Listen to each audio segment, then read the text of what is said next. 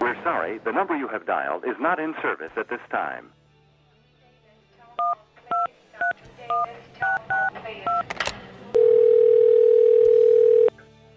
Just det, det är dags för det 35 avsnittet av Zenity-podden del 2 om året 1988.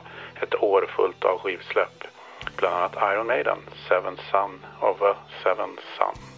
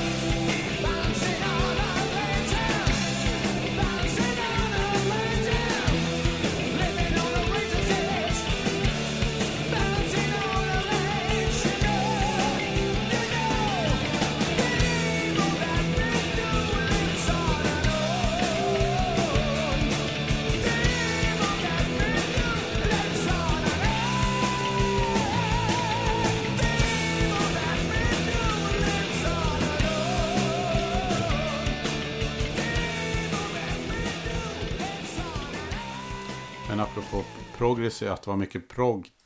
Det, det kan man också höra på Iron Maidens släpp. Ja. ju.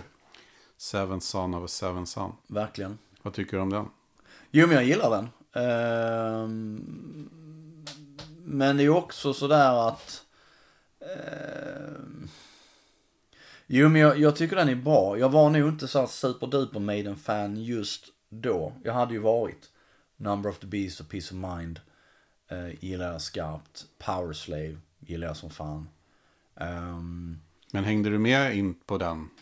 För att jag tror att det var många som hade börjat... Ja, jag hade fans tittat mig på, på, på andra grejer än just, just den plattan då. Eh, jag minns ju de körde den här Monsters of Rock-turnén i, i, eh, i Europa. Eh, Donington och de spelade i Tyskland så här. Och där var ju liksom Kiss var ju under Maiden. Maiden var ju stora dragplåstret. Eh, David Roth var också med.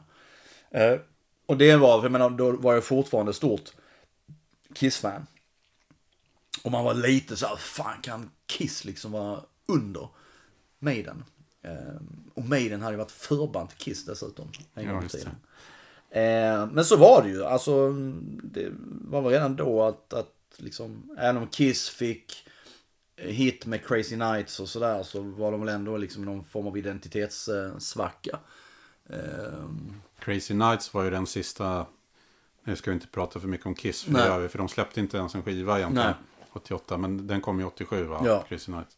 Det var ju den skivan som jag eh, verkligen fick... Den fick ju mig att släppa Kiss helt. ja, Jag tyckte den var hemsk. Framförallt titellåten tyckte jag var du tyckte det? ja, jobbig. Nej, jag var nog fan en jävla sucker för den alltså. Jag, köpte gillar- den men jag blev jättebesviken och så. Men det hade ju redan börjat ju med Who Wants To Be Lonely och Asylum. ja, Asylum alltså, det Ja, började ju spåra totalt. Jo, det var ett eh, helt annat band än liksom. Det var, det var ju mycket mer syntar och grejer. Det, de föll in på det också. Men, en helt annat uttryck liksom. Som, Verkligen. som kändes jobbigt. absolut. Men Och det, jag, tog, jag, det tog många år innan man... eh, hittade tillbaka. Ja, men jag, än idag så tycker jag inte att Crazy Nights är en, en bra, bra skiva.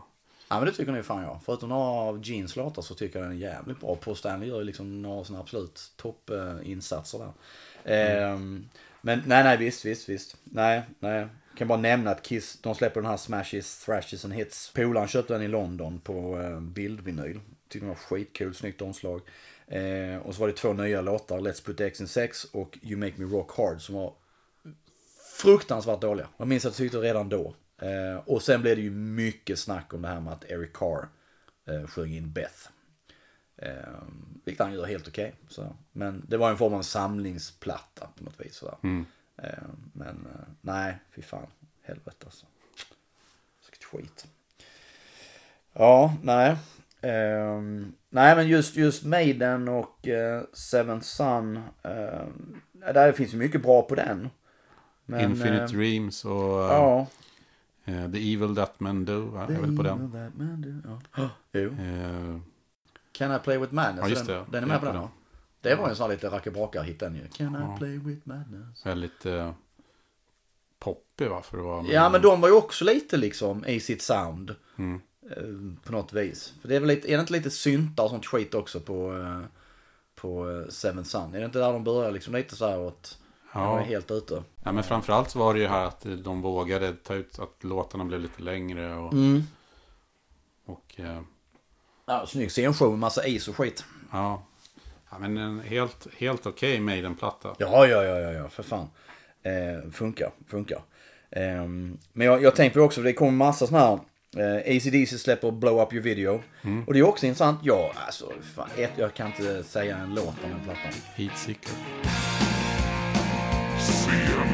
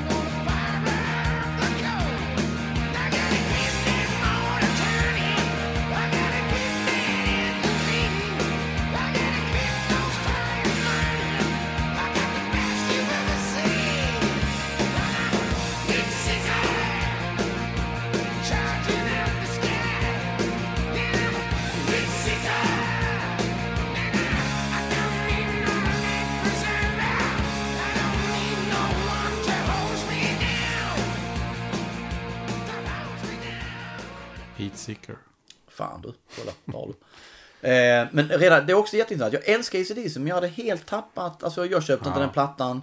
Lyssnade inte på den. Jag tror inte någon annan polare köpte den plattan heller när den kom.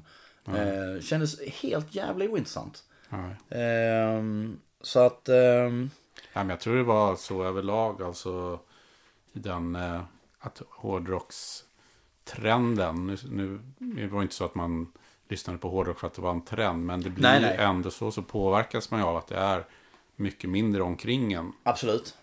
Ja, och vilket gjorde att eh, det, var, det blev inte lika mycket snack om det Nej. så som... Nej visst, det, det, och sen eh, Black and Blue, ett av mina som jag har snackat om så många gånger, ett av mina absoluta favoritband. De släpper ju sin, sin då sista platta In Heat. Gene Simon producerad. Eh, skitdålig tyckte den var då. Köpte inte ens den. Polaren köpte den. Eh, med, eh, med en ung Tommy Thayer som då många år senare skulle komma att bli Ace. Oh no!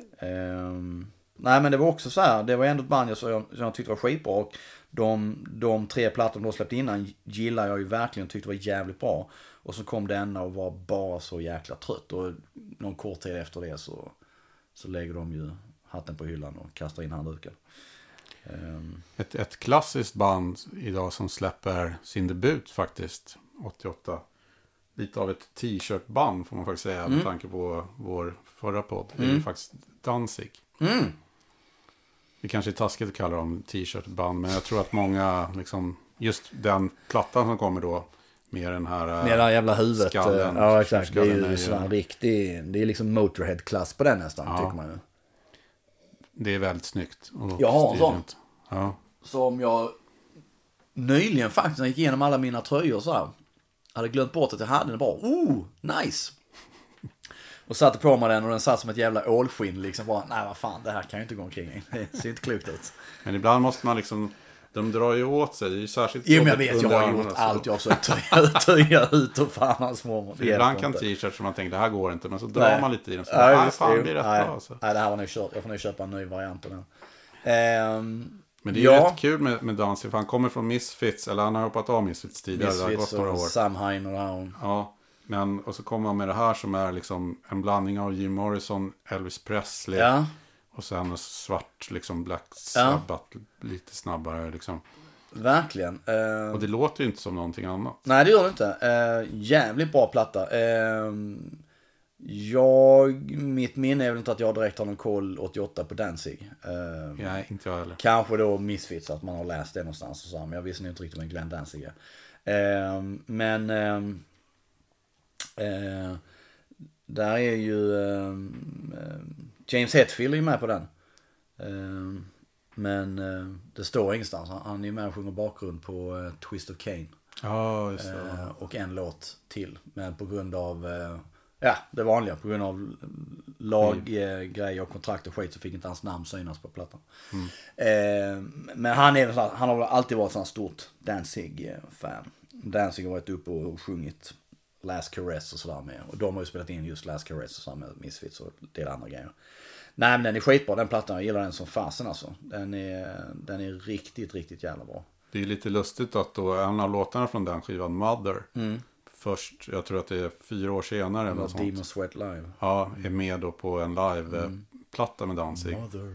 Ja, Och då blir det en superhit Ja, på MTV. ja. Alltså det är high rotation, den Ja, spelas liksom oh, typ bland Madonna och sådana. visst.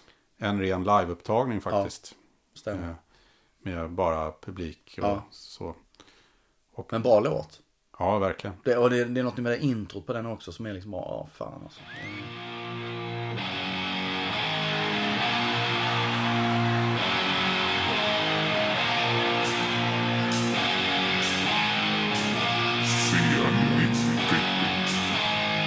Mother, tell your children not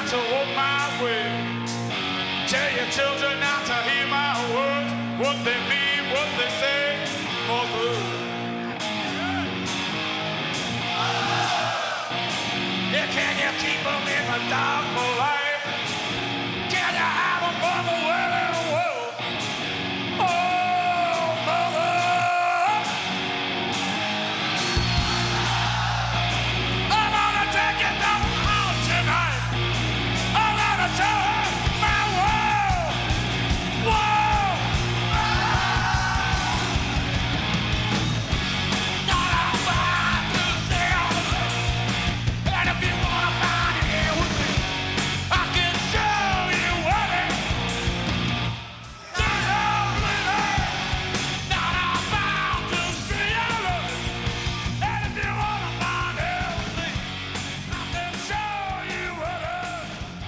jag tror att det var där många i vår generation fick upp ögonen för Danzig. Eh, säkert, det, det tror jag nog. Det tror jag nog, absolut.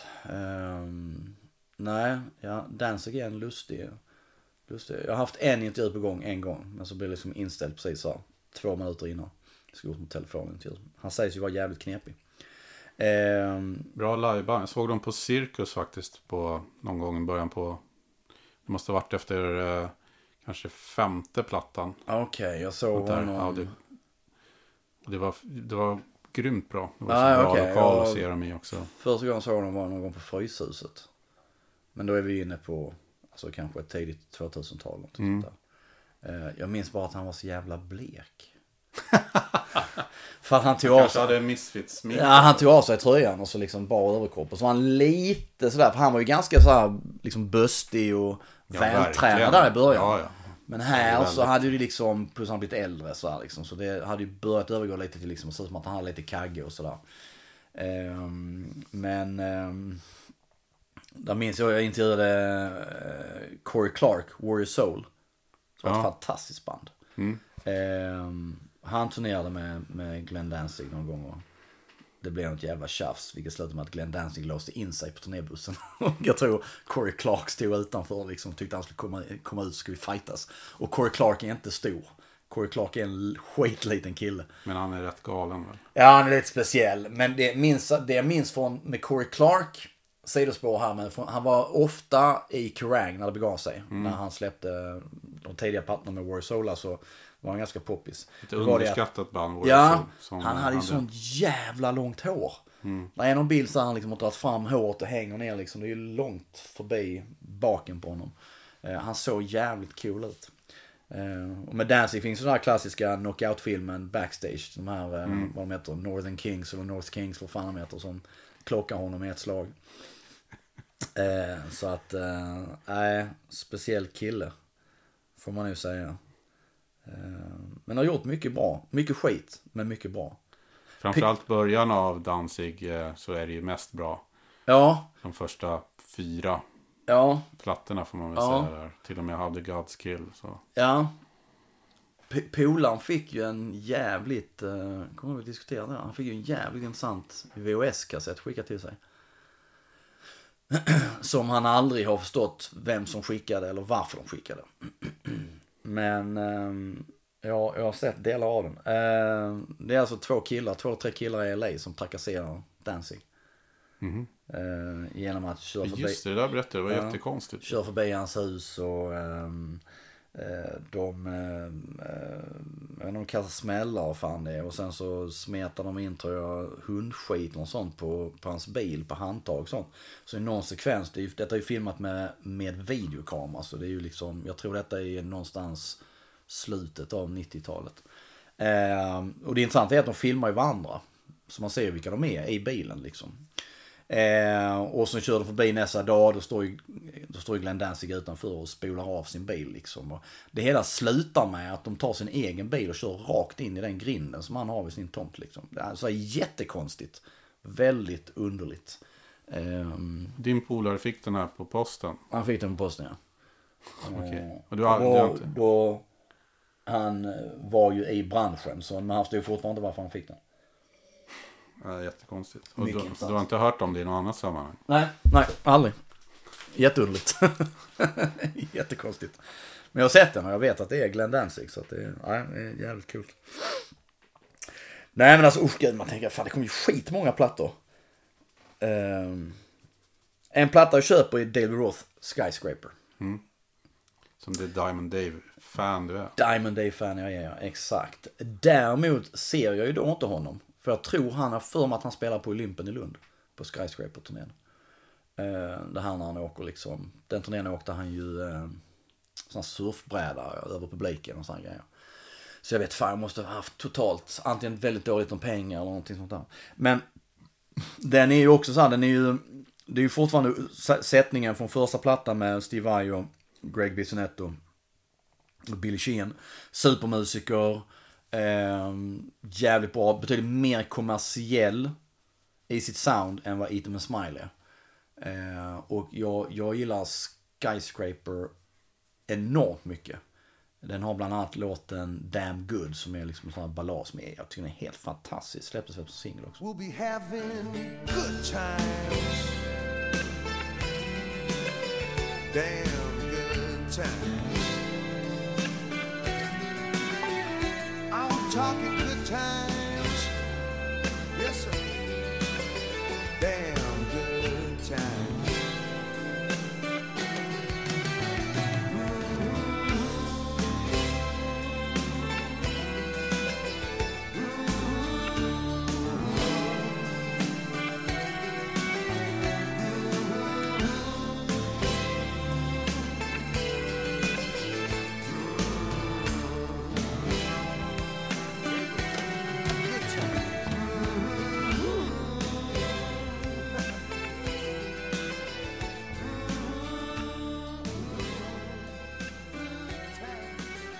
Just Like Paradise var Just Like Paradise var ju faktiskt en hit. Det spelades ju mycket. Ja, det gjorde den. Ehm, så att, ehm, nej. Det är väl det sista så här riktigt fantastiska som Dale Roth gör där. Kring dem han släpper några plattor till sen så kastar han också in handduken på sätt och vis. Men, eh, och där är han fortfarande där är han ju fortfarande stor också när han turnerar. Han turnerar i stora hallar i USA och sådär och drar mycket folk på egen hand. Sen efter det börjar det dala också och efter det så eh, tappar han delar av det bandet också. Eh, Steve Vai och de här. Eh, men eh, jag, jag gillar den som fan. Den är, den är också så här, det är väldigt glättig och liksom klämkäck på sina ställen men eh, nej. Det, och det är där man verkligen bör se dessutom också det här med att han börjar eh, eh, eh, tappa håret. Han har sån jävla framåtkammad lugg. Som är precis klippt som en pottfrissestil liksom. Man fattar precis att det är så här liksom att försöka dölja. Att det börjar bli lite tunnhårigt. Intressant. Diamond Dave. Diamond Dave ja, faktiskt. Men var du så stort fan då eller har det Det blivit? var jag. Okej. Absolut. Jag, jag har alltid varit... Eh, jag vet inte hur jag ska tolka Man skulle väl gå till psykolog. Och reda ut det där. Det är säkert något homoerotiskt eh, inblandat där. Nej men det, det när jag alltid varit just med att jag är så stort Van Halen-fan. Och jag tycker att han, han alltså då när, när han var med Van Halen så tycker jag han var den, på något vis den optimala frontmannen. Han var helt i en egen klass. Eh, och sen så, sen kan ju folk titta på honom precis som man tittar på alla andra liksom hårdrockare och så här, säga att det är någon dum. Men alltså han, det är ju upp, det är bara att höra honom snacka så är det ju uppenbart att ett, han är jävligt beläst. Och han är ju absolut ingen dum kille. Han har jävla huvudet på skaft. Sen har han säkert 15 olika diagnoser men eh, det, det är en skärpt kille. Ehm, så att, jo, nej, men jag var, jag var nog lika fascinerad då. Det var han nog faktiskt. Vilket gör det ännu konstigt att jag missade. För han var ju inte här och jag tror inte han har varit här innan. Då, då han har varit här innan var det ju med Van Halen 84, Monsters Rock. Mm. Så att, eh, lite, lite konstigt, jag vet inte. Något, något tok, toksläpp där. Och ser man på s- på svenska släpp 88 så var ju Europe släppte Out of this world va? Ja. Eh, Superstitious som är en av mina favoriter med dem. Men så är det ju samma sak, det är ju ett annat sound. Där blir det ju mer åt, bara liksom Superstitious är ju mer den här liksom klassiska bluesiga hårdrocken. Och ganska bra steg från det här som jag då tycker glättiga, verkligen mer LA-rock som är på Final Countdown liksom. ja, jag tyckte nästan att Final Countdown på vissa håll är ännu, det är något annat också. Det blev Ja. så himla poppigt Ja, och, och, verkligen. Verkligen. och mesigt.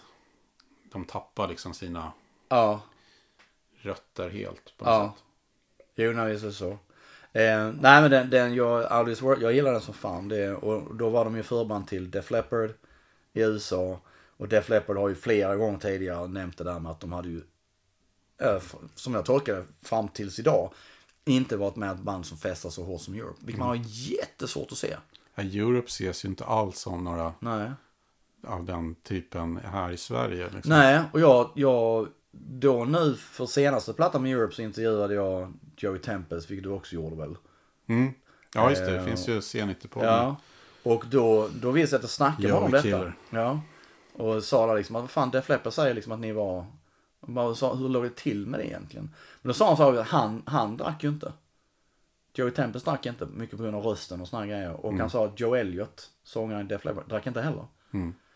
Men så sa han, ja men jo, nej men det var nu, det var liksom, det var nog Haugland och jag vet inte vem mer det var, om det var Levén eller fan var, eller Mick Mikaeli som, de, de var väl de som höll fanan uppe så att säga.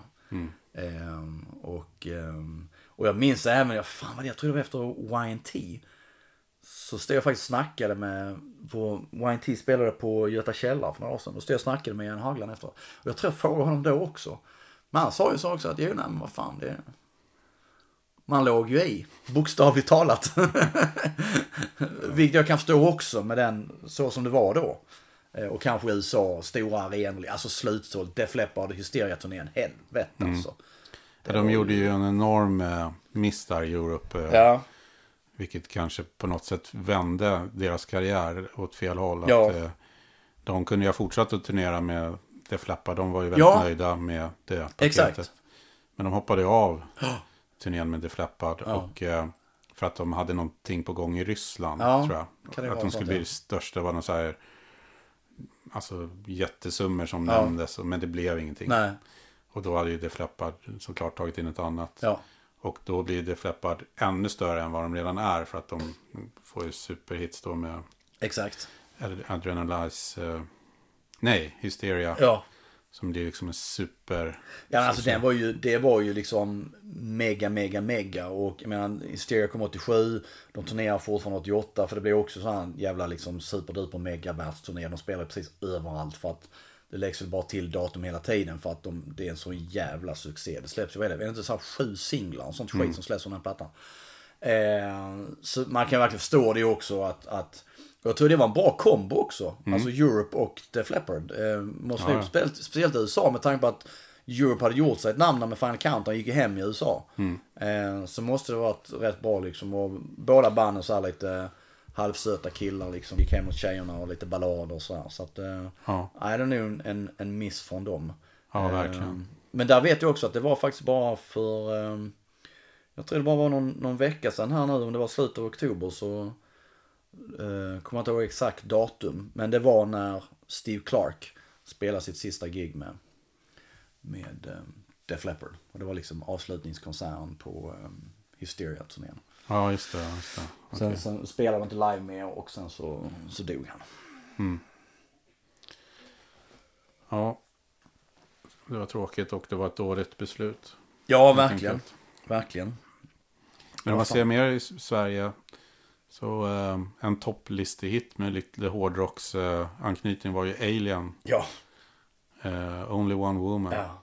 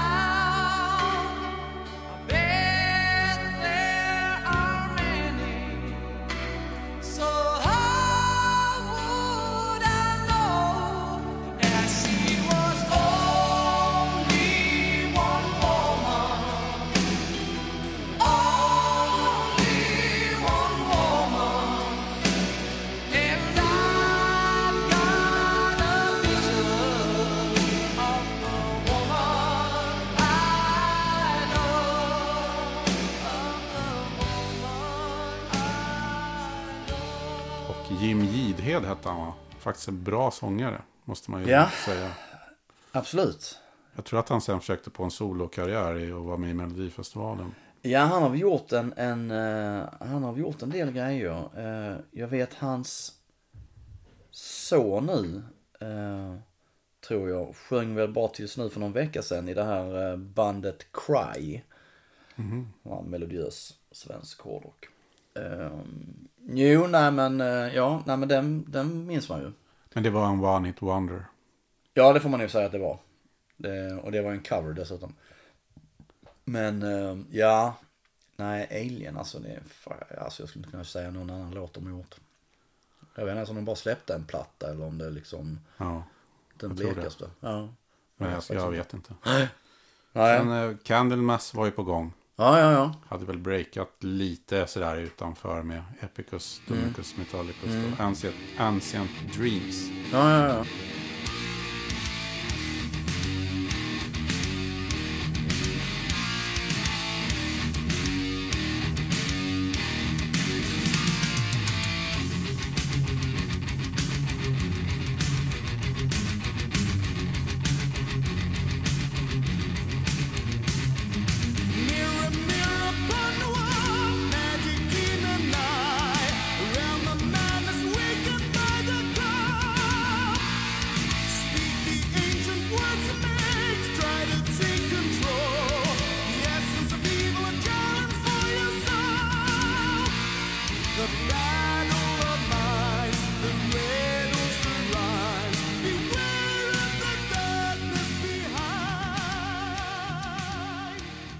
Messiah var ju med då. Ja, ehm, de, de var också sådär mer bara tror jag band som jag läste om. Ja. Att de firade kanske okej och, och sådär var absolut ingenting jag lyssnade på. Nej, det var inget jag heller upptäckte då, utan det var ju först senare Ja. som, som man så- såg tillbaka i deras Ja. karriär och hittade de Ja. plattorna. Och Bathory släpper. Ja, precis. Det, det var man ju heller inte medveten om. Nej, och alltså jag, jag tror... Alltså det, det är ju några tidigare reportage vill jag minnas om det är okej. Eh, med Quarton och sådär. Eh, Ja, de släpper ju alltså Blood, Fire, Death Ja. då, som är eh, ja, många rankar som deras bästa ja, ja, ja. faktiskt. Med, Ja, jag har noll koll på det. Eh, men, men jag minns bara att jag någon gång, vilket troligtvis är någon gång på 80-talet, eh, hör någon låt med Bathory. Eh, och jag minns bara att jag tyckte att fan vilket jävla oljud. Alltså det var helt, jag fattade inte alls grejen. Eh, för jag minns ett ganska stort reportage tror jag i OK. Med honom där han är någon, om det är någon gammal slottsruin och han hade liksom han hade hals, Kycklingben. ja, halsband och benknop, alltså sådär skit liksom. Och för mig var det liksom, det var också så här helt främmande. Det, jag fattade inte vad det var. Eh, lika lite som jag fattar liksom grejen med de där, man säger då the big four med, med Anthrax, Metallica och alla de då. Eh, runt den där tiden på mitten och sena 80-talet liksom. Att det var, det var skitja på något vis. Det var mer eh, arbetarklass eller någonting sånt där, jag vet inte. Hur jag ska säga det. Jag kommer från ett borgerligt hem.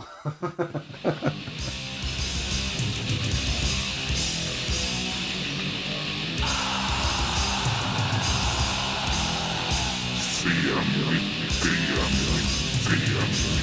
såg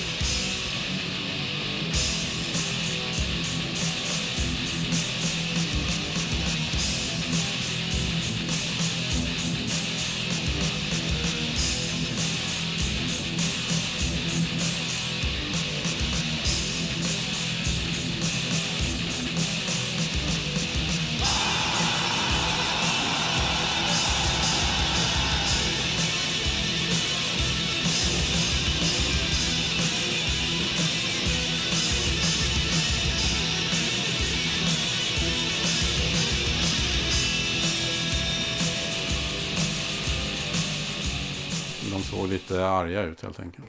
Ja men så arga och mer liksom, det var mer skitigt. Alltså det var ju mer bara jeans och liksom sådär. Det var inte spandex direkt. Jeans och jeansjackor och slitna t-shirts liksom.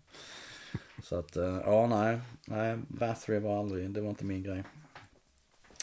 Men ja, när vad fan har vi mer? Sen har vi, vi har ju Kingdom Come. Släpper sin debut. Anklagas ju bara för att vara Led Zeppelin-kloner. På samma sätt som Greta Van Fleet. Ja, Som faktiskt spelade, när vi spelade in detta så spelade de ju i Stockholm igår. ja, Idag har de ställt in i Köpenhamn. okej.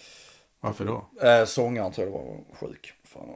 Ehm, men jag gillade, jag gillade Kingdom Come. Den, eh, jag fick den plattan när den kom 88. eh, Och sen den senare som kom efter In Your Face gillar jag också som fan. Och lyssnar på den idag. Tycker de faktiskt är jävligt bra. Eh, och absolut, sure. Visst det är Led Zeppelin.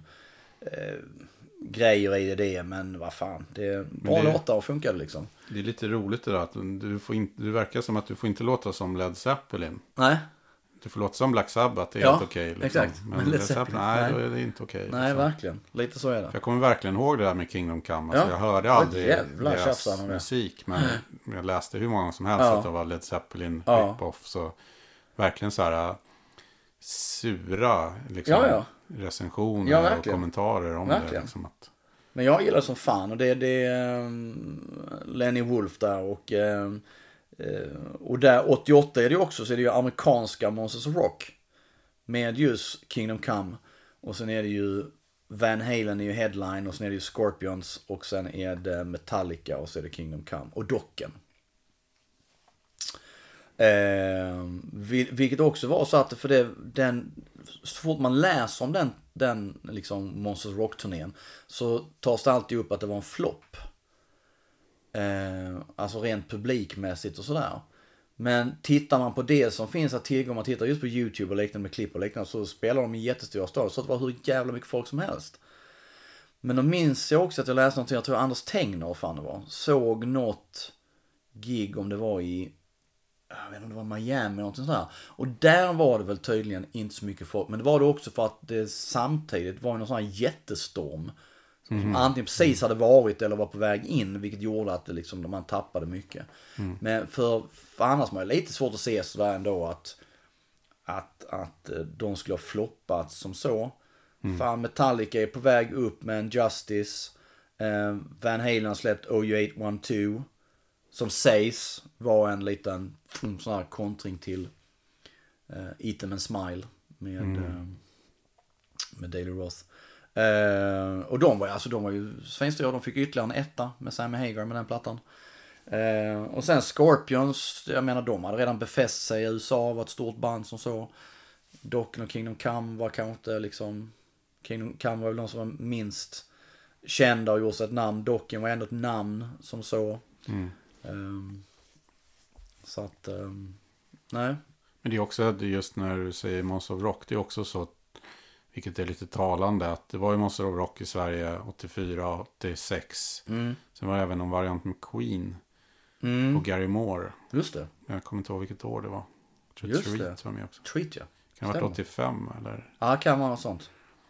Men eh, det var ju ingen 87 och det var ingen 88. Var det inte med Ozzy också? Var det det som var 86 och sånt? Mm, det var ju... Och Scorpions väl? Ja, det fläppar. Det Just var, det. det var den jag var Just på. det. Och du var på den? Ja, Du har sett allt det coola. men inte 84 som sagt. Helvete alltså. Fan säger det. Snor grejer och fan liksom. Och så ser alla coola gig liksom. Fast det har vi pratat om. Monster of Rock 86, det, det liksom väger ju lätt mot 84. Den är, det går inte att briljera med den. Liksom. Nej men ändå. Fan, inte fy skam. Jag kommer att tänka på också, vilket jag inte kom på senast, att jag köpte en tröja på Monster of Rock 86. Åh! Sån här Monster of Rock-tröja. Ah, så okej så det var alla... Ja, vilket var ett dåligt eh, beslut redan från början. Ännu sämre var att jag efter några veckor så här klippte av armarna så det blev som ett linne. Ja men det gjorde många. Ja, vad fan. Fult. Alltså. Har du kvar den? Nej, Åh David. Fan. det är ju bara 40 år sedan. Ja exakt. Jo, jo men ändå. Fan den kanske ligger hoprullad någonstans i någon låda. Ja. Gud. Jag kunde aldrig klippa av. Jag hade inte armarna till det. Alltså klena armarna. skulle se för jävla dumt ut Jag bara. undrar om jag ens hade, jag hade bara dåligt omdöme. jag hade sett någon som hade så och tyckte det såg fränt ut. Liksom. Ja, jo visst. Absolut. Absolut.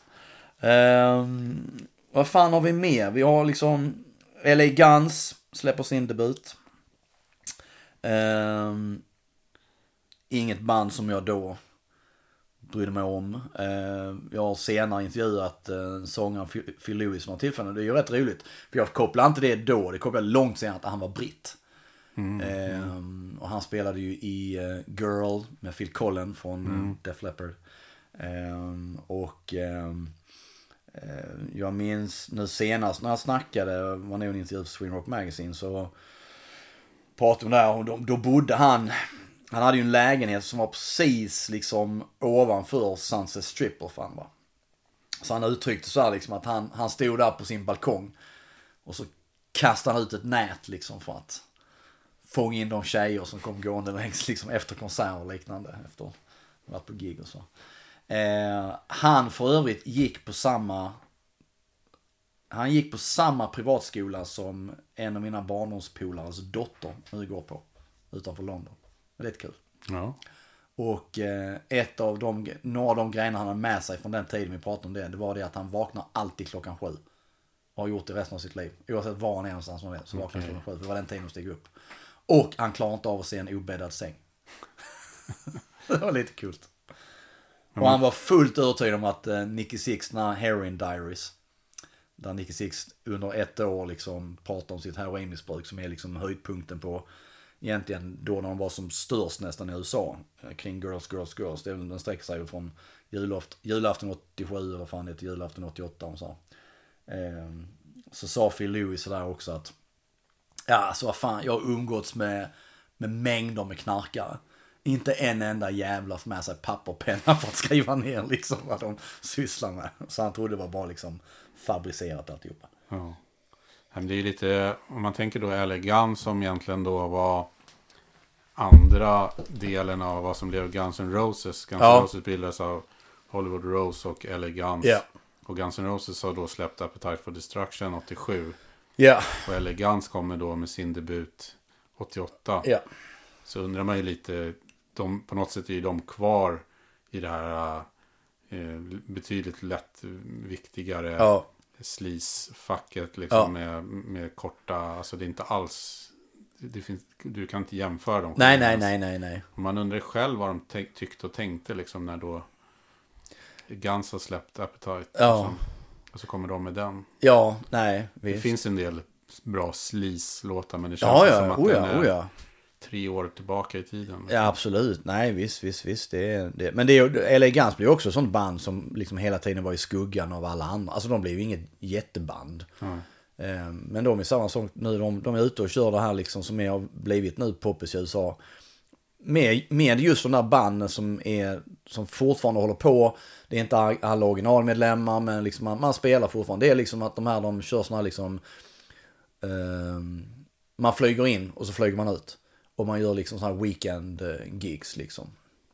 Gör inga liksom turnéer på så vis utan så är man hemma och sen så. Eh, men de, de är fortfarande ute och spelar och det, jag menar, de, de överlever väl på det. På, på så vis.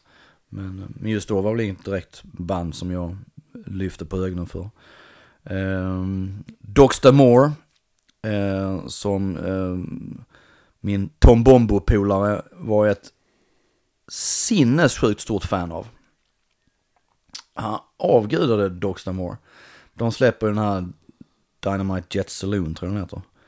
Och jag förstod mig aldrig på Doxter Moore. Han var ju även ett gigantiskt Hanoi Rocks-fan och jag tyckte liksom... Alltså det var bra men det var inte så att jag kände att wow, att jag blev helt gaggad över det liksom.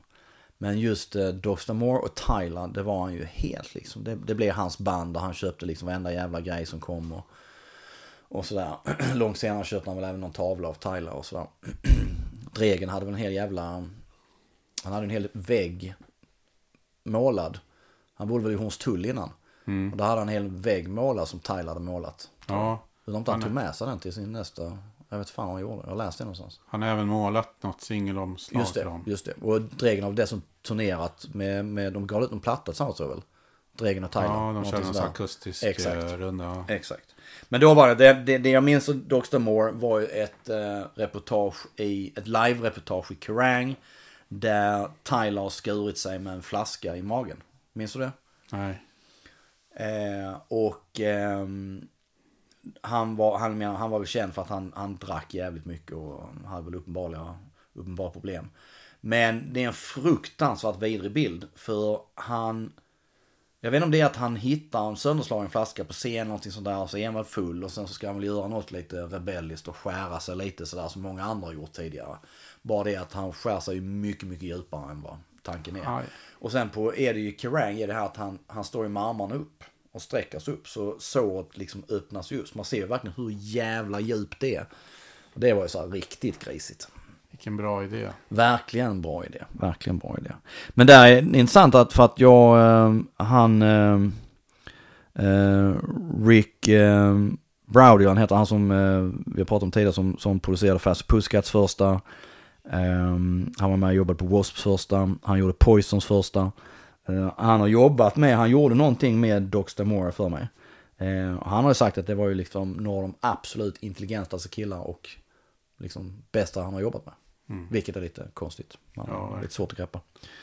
Det kändes ju som att Choirboy, Choirboy som Just sen eh, slog igenom några år senare Just det. inspirerades rätt mycket av Dog Ja, ja. Det är lite där pub, pub-rock på något vis. eh, Med lite status quo boogie-grejer i sig. Ja, och så lite där konstnärliga Ja. touchen på något sätt. Verkligen. Rö, rövin och... Det var mycket rödvin, ja. Exakt. och eh, ja. Jo, nej, visst är det så. Det är Choirboys minns jag också. Jag intervjuade Spike och då, jag tror det var andra plattan.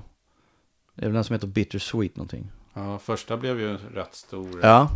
Seven o'clock, time to party. ja, och, ja precis. Flera. Ehm, att deras andra platta, tror jag det är, produceras ju av Bob Rock tror jag. Och hade ju en sån helt sinnessjuk budget.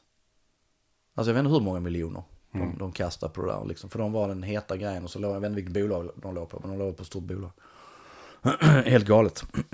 han bodde sen, han bodde granne tror jag med Cissi DeVille i Poison, Jaha. i Hollywood Hills. De fick inte tillbaka pengarna va, på, på Svårt att se det. Svårt att se det. Ehm, vad har vi mer för någonting? Ehm, ja, på Poison de släpper jag Open Up and Say Ah. Ehm, nothing but a good time. Fallen Angel. Blev väl hittar.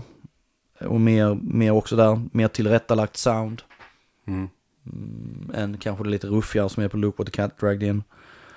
Ehm, Robert Plant släpper Now and Zen. Eh, en platta som jag eh, tycker enormt bra om. Den har jag inte ens hört. Har du det? Nej. Jäklar. Eh, jag köpte den när den kom på Heta Vax i Helsingborg. Som då var en lite mer så här, vad ska man säga? Det var lite Pet Sounds eh, över Heta Vax. Lite hippt. Ja, lite sådär att eh, här har vi lite koll. Mm. Eh, Här kommer vi inte in och frågar efter liksom. Här kommer inte in och fråga någon jävla Poison-platta. Eh, nej men jag köpte, köpte den där, jag hade nog hört någon låt tror jag. Måste varit hört på radio eller någonting sånt där. Eh, men tycker än idag att det är en, faktiskt en väldigt bra, jag är väldigt fascinerad av mycket av det som Rob Plant gjorde där på kanske andra hälften av, av 80-talet och det är början på 90-talet. Han gjorde mycket bra där. Eh, men just eh, Now and Zen är ju med. Eh, det är väl låten Tall Cool One väl som var lite av en hit, eller en singel i alla fall.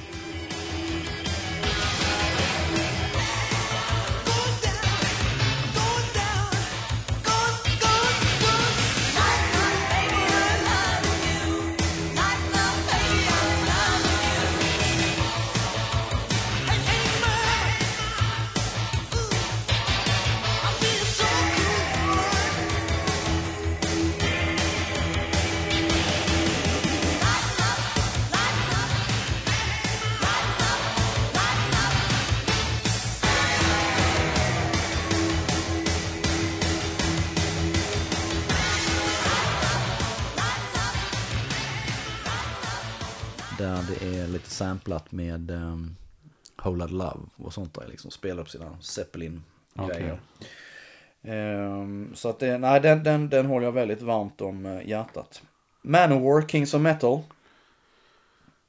Ja, The Bands Play, Manowar Kills. Ja, men det är väl, eh, det finns ju många som avgudar den plattan. Ja. Jag har är, väl är, aldrig är du riktigt- Manowar-fan? Nej, jag har aldrig- aldrig lyssnat på Manowar. Jag har aldrig riktigt fastnat för dem sådär. Men det är väl så här lite kul. Det är, som, det är lite Spinal Tap liksom. Ja men det är ju det. Wimps and Posers, Leave the Hall. Ehm, ja, mitt, för, mitt första minne av Manowar är väl det här när de signar i blod i Okej, man får säga det. De stod med så här äh, pälsbitar. Exakt, fy fan alltså. Det var väldigt så här gay-erotiskt över alltihopa. Eh, och eh, sen den här, vad heter den? Eh, Hammer, vad heter den? Har de inte en platta som heter Hammer? Men har röd, lite så här. Eh, där har den här All Men Play on Ten, eller fan det är, den låten. Den minns jag. Eh, och den var på baksidan av Okej, den med alla skivor som man kunde köpa. Manowar har alltid för mig varit fullständigt obegripligt. Det, och det är bland, jag har sett dem live flertal gånger. Och det är, ja, det är helt obegripligt. Jag förstår inte vad folk ser i det. Eh, live så tycker jag det är bedrövligt uselt. Eh, det var något gig där vi intervjuade Joe DiMaggio när de spelade på eh, Münchenbryggeriet för några år sedan. Det, först var det så jävla högt så det, liksom- alltså, du hörde bara mullra, en mullrande bas. Det var det du hörde. Ehm, De, de brukar ha enormt höga biljettpriser också. Ja, och så verkligen satt de här lapparna då att man fick absolut inte fotografera. Satt uppsatt över hela stället. Och så jävla fjantigt det också. Eh, och jag skålade i champagne med Joe DiMaggio för jag tror det var sista giget på turnén. Någonting sånt där. Eh, bara det att han bor med sin mamma liksom. Bara en sån grej. Det liksom gör ju att alla börjar ringa i klockorna liksom. Eh, och, eh, och de, de, eh, de har varit aktuella nu. De är ju ute med någon sån här final battle tour nu liksom. Och, som du sa, priserna är helt galna om man tänker på det för små skitställen att spela på. Och så kostar biljetterna 1500 spänn styck. men folk köper det, folk gillar det liksom. Ehm, men ehm, där Det var det har nu blivit från- någon kultgrej på Ja, sätt. lite så. Ehm, men där var det nu att han gitarristen Carl Logan, han har ju blivit arresterad för barnpornografibrott.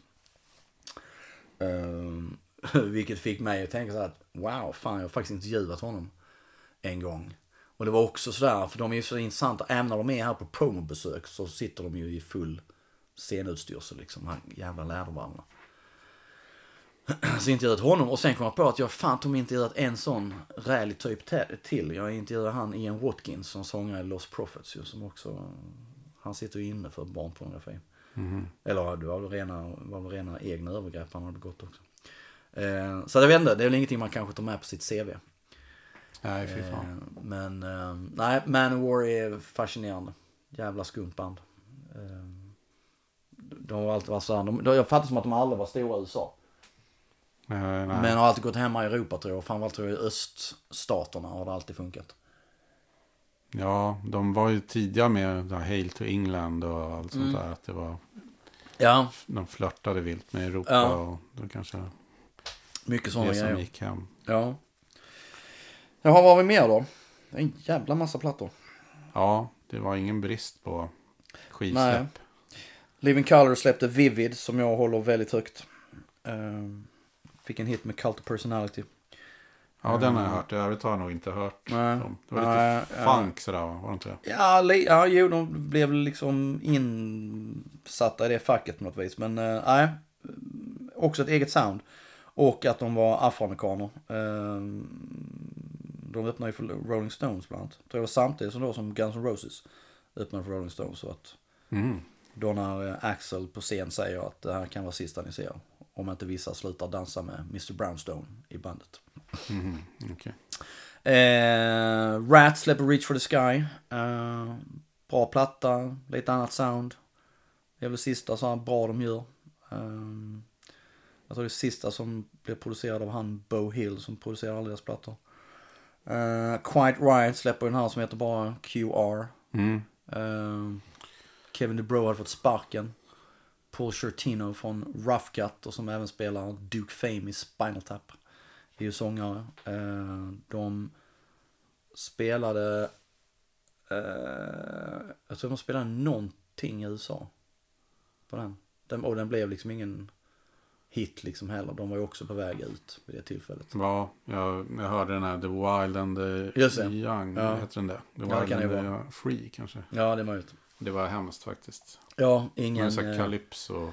Ja, nej, nej, ingen hit. Eh, De, de hade väl gjort sitt där med, med Metal Health och eh, Condition Critical som är faktiskt jävligt bra. Metal Health var ju en dundersuccé i USA ju. Absolut, och, och första hårdrocksplattan som blev etta i USA. Mm. Eh, Och, och verkligen var med i den första eh, av, i den vågen. Oh ja, oh ja, helt klart. Eh, Yngve släppte Odyssey. Just det. Du gillar Yngve? Ja, den eh, med bröderna Johansson är ju med båda där, Jens och Ja, eh, Jens Anders. Och Anders, precis som på föregångaren där.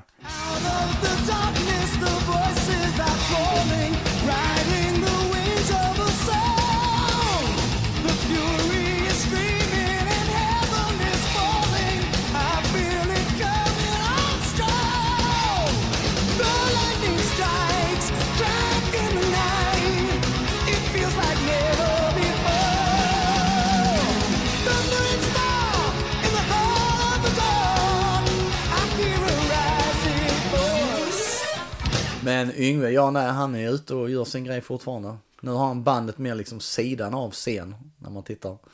Och så Ja. en vägg av Marshall-förstärkare och så kör han sitt jävla race. Han sjunger väl en del tror jag också. Ehm, och jag vet inte, det är, men mycket är väl där hans, hans fru är väl lite special har jag förstått. Ja, som även är manager va. Ja, exakt. Brukar vara en dålig idé. Ja, hon är snabb på att eh, hugga på YouTube-klipp och sånt där liksom. Att, Ja. Som folk lägger upp. Men om man gillar Yngwie och hans första då, de mer kanske klassiska plattorna. Så är, här håller han ju fortfarande stilen helt Ja. klart. Även om det då finns som Heaven Tonight där och kanske Dreaming. Som känns som lite sådär eftergifter för att försöka få till något kommers- Ja. kommersiellt. Så. Ja. Men eh, nej, helt, helt okej platta. Jävla fult omslag. Ja, just det här att han inte har... eh, I, i sig är det väl okej, men det känns som att man använder en bild som inte riktigt funkade för, för formatet. Man har ju skurit ändå en decimeter. Ja, visst, jättekonstigt. Gitarren är liksom avskuren. Ja. Vilket man kanske inte tänker på. Men det, Nej, jag, alltså, jag. Jag har, har inte reflekterat så som du sa det. Eh, men, eh, nej men jag tänker mer om man just tänker på eh, Rising Force-plattan och Marching Out som var ganska så här coola, liksom det är någon form av action i de, de omslagen. Så kommer detta här liksom, jävla ful logga, eller liksom typsnittet på han på Yngwie J. Malmsten där. Ja. Eh, är inte så jäkla snyggt heller. Lite B, faktiskt. Ja. Ja, nej, vad fan. Eh, Vinnie Vincent släpper sin andra platta, All Systems Go. Jag tyckte den första var fenomenal. Den andra brydde jag mig inte om. Ehm, Winger släpper sin debut, tror jag. Vixen släpper sin debut. Eh, de spelade ju i England på den här Rockingham bara nu för någon, någon vecka sedan. Han spelade på Sweden Rock i somras va? Just det, stämmer. Ja. Men det var sådana också sådana band som jag inte liksom brydde mig om. Det kändes ju verkligen som så MTV. eh, Ja, eh, stort hår på tjejerna och nej, jag vet inte fasen. Eh, Ozzy släpper No Rest for the Wicked. just det, Som är eh, ingen av hans bättre nej. plattor alls. Eh, kan man inte påstå. Jimmy Page släpper Outrider som också väl jag vill minnas blir en sån här platta som egentligen inte gör mycket väsen av sig. Ehm, Eh, och som jag har dålig koll på. Testament släpper New Order.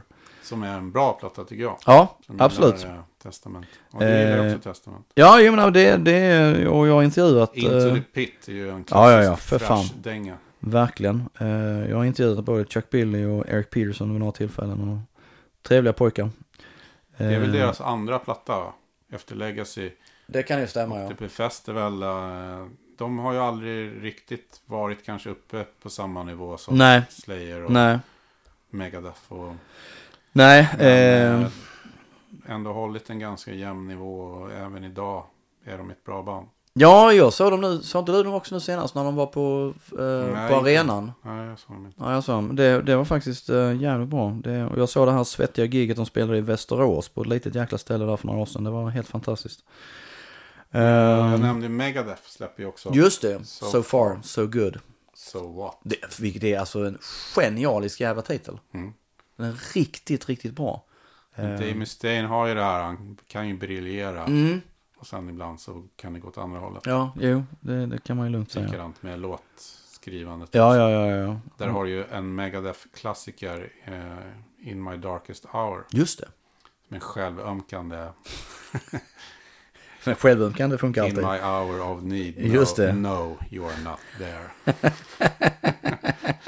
Men en, en ganska bra låt. Inte lätt att vara Dave Mustaine. De försökte väl också haka på lite det här att det skulle vara lite längre.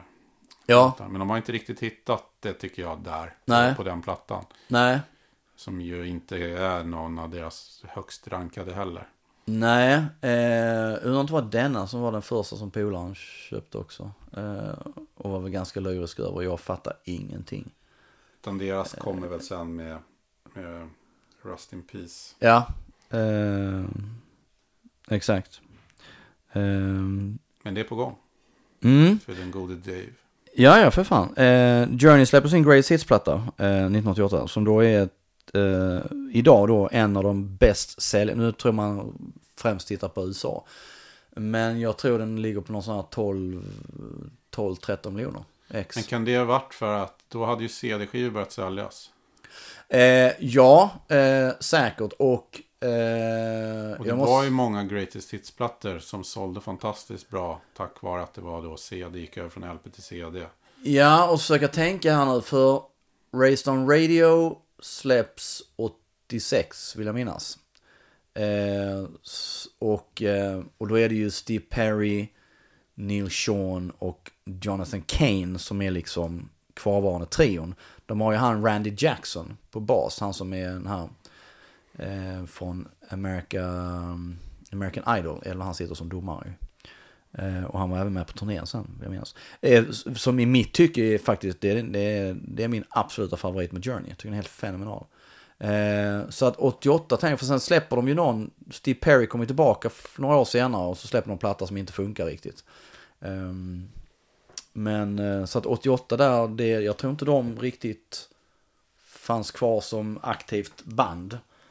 Ehm, men den, den har blivit någon sån här, precis som Eagles Grace Hits, blivit såna jävla megasäljare. Men det kan ju vara det. Att det är en samlingsplatta, det som du säger, CD börjar väl liksom komma igång då lite. Folk köper det för det. Det, det är liksom en bra ha-grej till partyt och sådär. Slänga på. Ja, men jag kommer ihåg bland annat att jag köpte en av mina första CD-skivor var just Operation Mindcrime. Ja, ja, ja, ja, ja, ja. Som jag sen sålde, men det, sen köpte jag den igen. Just det. Men nu eh, har vi pratat i en timme och 40 minuter. Så vi måste Helsike. börja runda av. Det var så fan du. Ska vi runda av med vår topp tre? Annars är det ju inget ri- riktigt Alltså det är inget riktigt avsnitt. Exakt. Kör David. Vad är dina topp tre? 1988. Ni, nummer tre är South of Heaven. Slayer. Som, eh, om man tittar idag så är det inte så många låtar från den som liksom har överlevt i setlisten. Det är ju titelspåret och det är eh, Mandatory Suicide. Som är en, en riktigt bra låt. Men eh, ja, sen finns det ju, men det är en, det är en bra platta. Jag gillar Ja, den. ja. Den är eh, eh, Silent Scream och eh, det finns många väldigt bra låtar. Eh, den, den är mörk, den är stämningsfull och men den är stenhård men inte så snabb Nej. som som sin föregångare då, vilket många har hakat upp sig på. Eller det var en sån här grej jag tror att många ska tycka. Eh, bra Slayer-platta helt klart. In, in, ingår ju i den klassiska trippen. Just det. Raining Blood, South of Heaven och Seasons in the Abyss. Just det. Min tvåa, eller du ska ta din trea först. Jag kan ta min trea. Ehm, min trea så säger jag nu faktiskt Winger. exakt. Det enda jag kommer ihåg med Winger är ju eh, Beavis och Butthead. Ja, när Metallica kastar pil Ja, eh, på, eh, på bilden av Keep Winger. det var Nej, ju någon tönt polare till Beavis och Butthead som så här, de inte gillade. ja det var det kanske. Han hade ju Winger. Ja, ja, ja, okej. Just det. Jag lyssnade aldrig på Winger. Ehm, nej, min trea så sätter jag nog... eh, eh, jag sätter nog Vivid med Living Color. Jag köpte den när den kom. Kan inte för mitt liv så komma på vad jag skulle... Det, skulle kunna tänka mig att det skulle kunna vara Rockbox hade spelat någon låt kanske. Något sånt där. Eh, eller om man skulle ha sett någonting på MTV eller någonting sånt där. Eh, men den är en platta som, eh, som jag långt, långt senare köpte på CD. Eh, jag lyssnar fortfarande på den, jag tycker den är fenomenalt bra. Eh, och eh, som du sa, det är liksom, de blev väl lite där med funk, men så var det att de var att de var färgade, det gjorde en grej också och eh, skiftade liksom. Alltså, det, det är lite Faith No More grej över det. För Faith No More kunde gå liksom från det liksom stenhårda till helt plötsligt spela en ballad eller någonting lugnt och så kom det in och piano och liksom där, lite schizoaktigt. Living Color var väl lite åt det hållet. Eh, så att, eh, nej, den, den, håller jag som en, eh, en, en, en favorit. Så Living Color Vivid nummer tre. Din tvåa då? Min tvåa får jag nog säga blir... Ja, det är jätte... Jag har tänkt fram och tillbaka. Ehm, jag säger nog då, ja, det får bli Daily Roth, Skyscraper. Ehm, jag lyssnade sönder den skivan. Eh, och den tycker jag också även idag, jag, jag tycker nog den är bättre än, än Idem and Smile. Den hade lite få, för få låtar som var riktigt bra.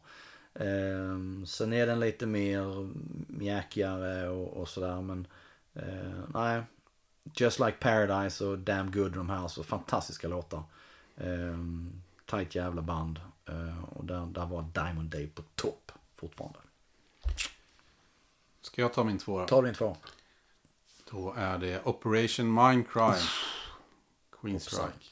Ehm, riktigt bra temaplatta. Ja. Tycker jag. Betydligt bättre än The Elder om man ser till hur temat liksom funkar. Det kan man väl lugnt säga. Och, ja. Eh, jag tror att den påverkade eller influerade Black Lawless rätt mycket också. För att Ja, göra Crimson Idol Crimson. Idol. Ja. Mm. Eh, Men också för att låtarna i sig, det är inte kanonlåtar rakt igenom, men det Nej. finns några riktigt bra Ja. Eyes of a Stranger och eh, I Don't Believe in Love. Ja, ja, ja, som, oh som är riktigt Absolut. bra låtar. Och, eh, ja, men hela stämningen är, den är, som jag sa tidigare, en riktigt bra och bra sång av Jeff Tate också. fenomenal sångare. Eh, men där är det också att eh, det intressanta är att faktiskt om man, om man tittar på texterna på Operation Minecraft så är det ju faktiskt det är väldigt mycket av det 30 år senare som, som funkar och egentligen speglar mycket av det som pågår idag. Kanske främst om man tittar på amerikansk politik och liknande. Och sen Så, det här eh, kontrollgrejen, att ja. du kan skicka signaler. och, absolut. Så att den, den, den blir ju faktiskt, den, den funkar lika bra idag rent textmässigt. Profetisk. Ja, på något vis. På något vis. Ja, din Ta- etta då? Min etta då. And Justice for All. Of course. Ja, jag funderade lite, men det är ändå den plattan som jag har lyssnat överlägset mest på Ja. av dem. Och det finns en anledning till det. Ja. Som sagt, alla låtarna är inte lika bra. Men jag tycker att om man, om man ser till vinylen, hela första skivan, det är bara fyra låtar då. Ja. Som börjar med Black End och slutar med One.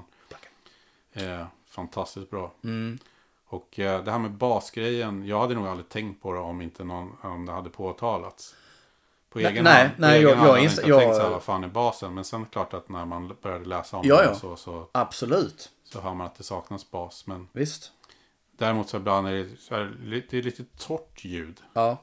Och det har ju också diskuterats så här att det, det låter som att det är ett vakuum på något sätt. Ja. Det, liksom, det finns inget surround. Det Nej. finns ingen så. Nej. Men jag vet inte, det, vissa låtar passar det också tycker jag.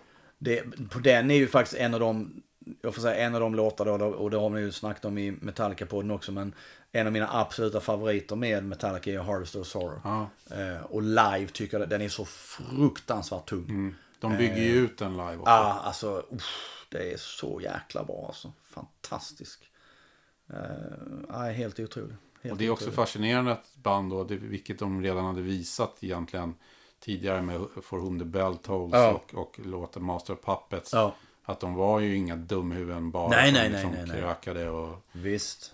även om de ibland vill framstå som dummare än vad de är tror jag. Visst, visst, under den visst, tiden. visst. För att det skulle vara så. Det var Visst. den genrens som uttryck. Ja, visst. Men det är, det är ju liksom, ja men det är riktigt bra. Ja. Från början till slut. Ja, min etta då. Men jag, jag, jag sätter nu Mindcrime eh, som min etta då. Eh, stort Queensryche-fan, men mitt fanskap eh, sträcker sig i stort sett egentligen bara fram till och med Promised Land. Sen efter det tyckte jag då, de tappade helt och de började tappa det redan på den. Men du, Eh, men du var med då när den släpptes? jag var med och Ja. eh, eh, Promised Land minns jag att jag var på skivmässa i Lund, Olympen, detta klassiska ställe. Eh, och eh, jag köpte eh, Promised Land på CD då. Och detta var så nästan en vecka innan den officiellt skulle eh, släppas. Så jag minns det att hitta den bara, fan den ska ju inte släppas ännu liksom. Bra. Och köpte den. Ehm, och då var det ändå där intressant att man, det var, liksom, det var ju det första man hörde, man har inte hört någonting innan. Och så var det ett annat sound och så där man försökte övertyga sig själv om att det här är skitbra. Eh, och så långt senare känner man liksom att, nej, kanske inte superbra.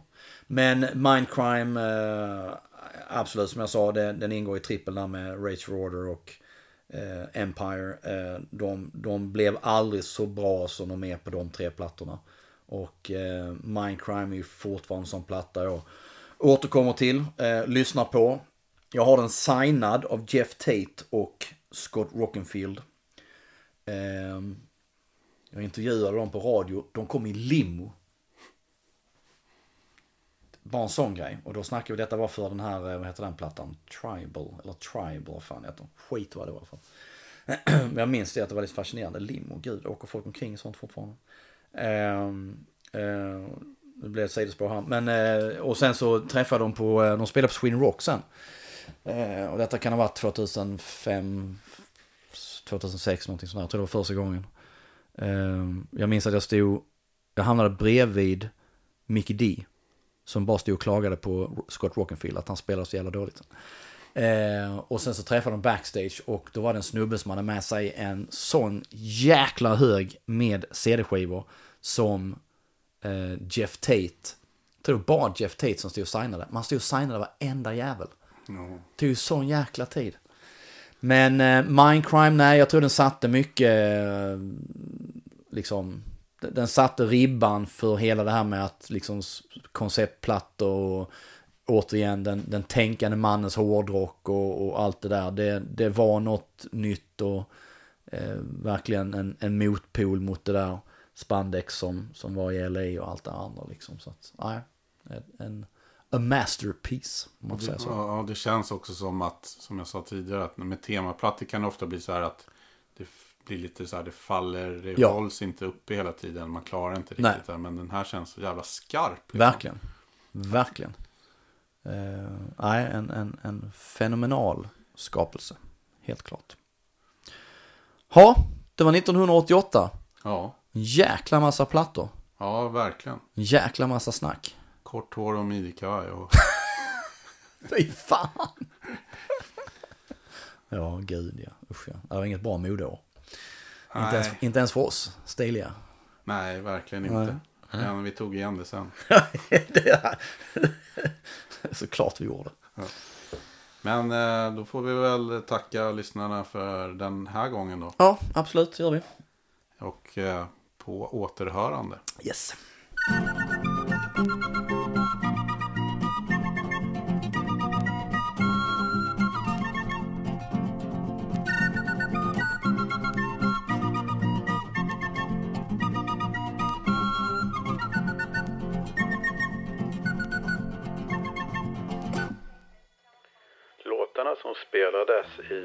Avsnittet var The Evil That Men Do med Iron Maiden, Heatseeker med AC/DC, Mother i en liveupptagning med Danzig, Damn Good med David Lee Roth, Only One Woman med Alien, Mirror Mirror med Candlemass, A Fine Day To Die med Bathory. Och Tall Cool One med Robert Plant. Och så Yngwie Malmsteen med Rising Force.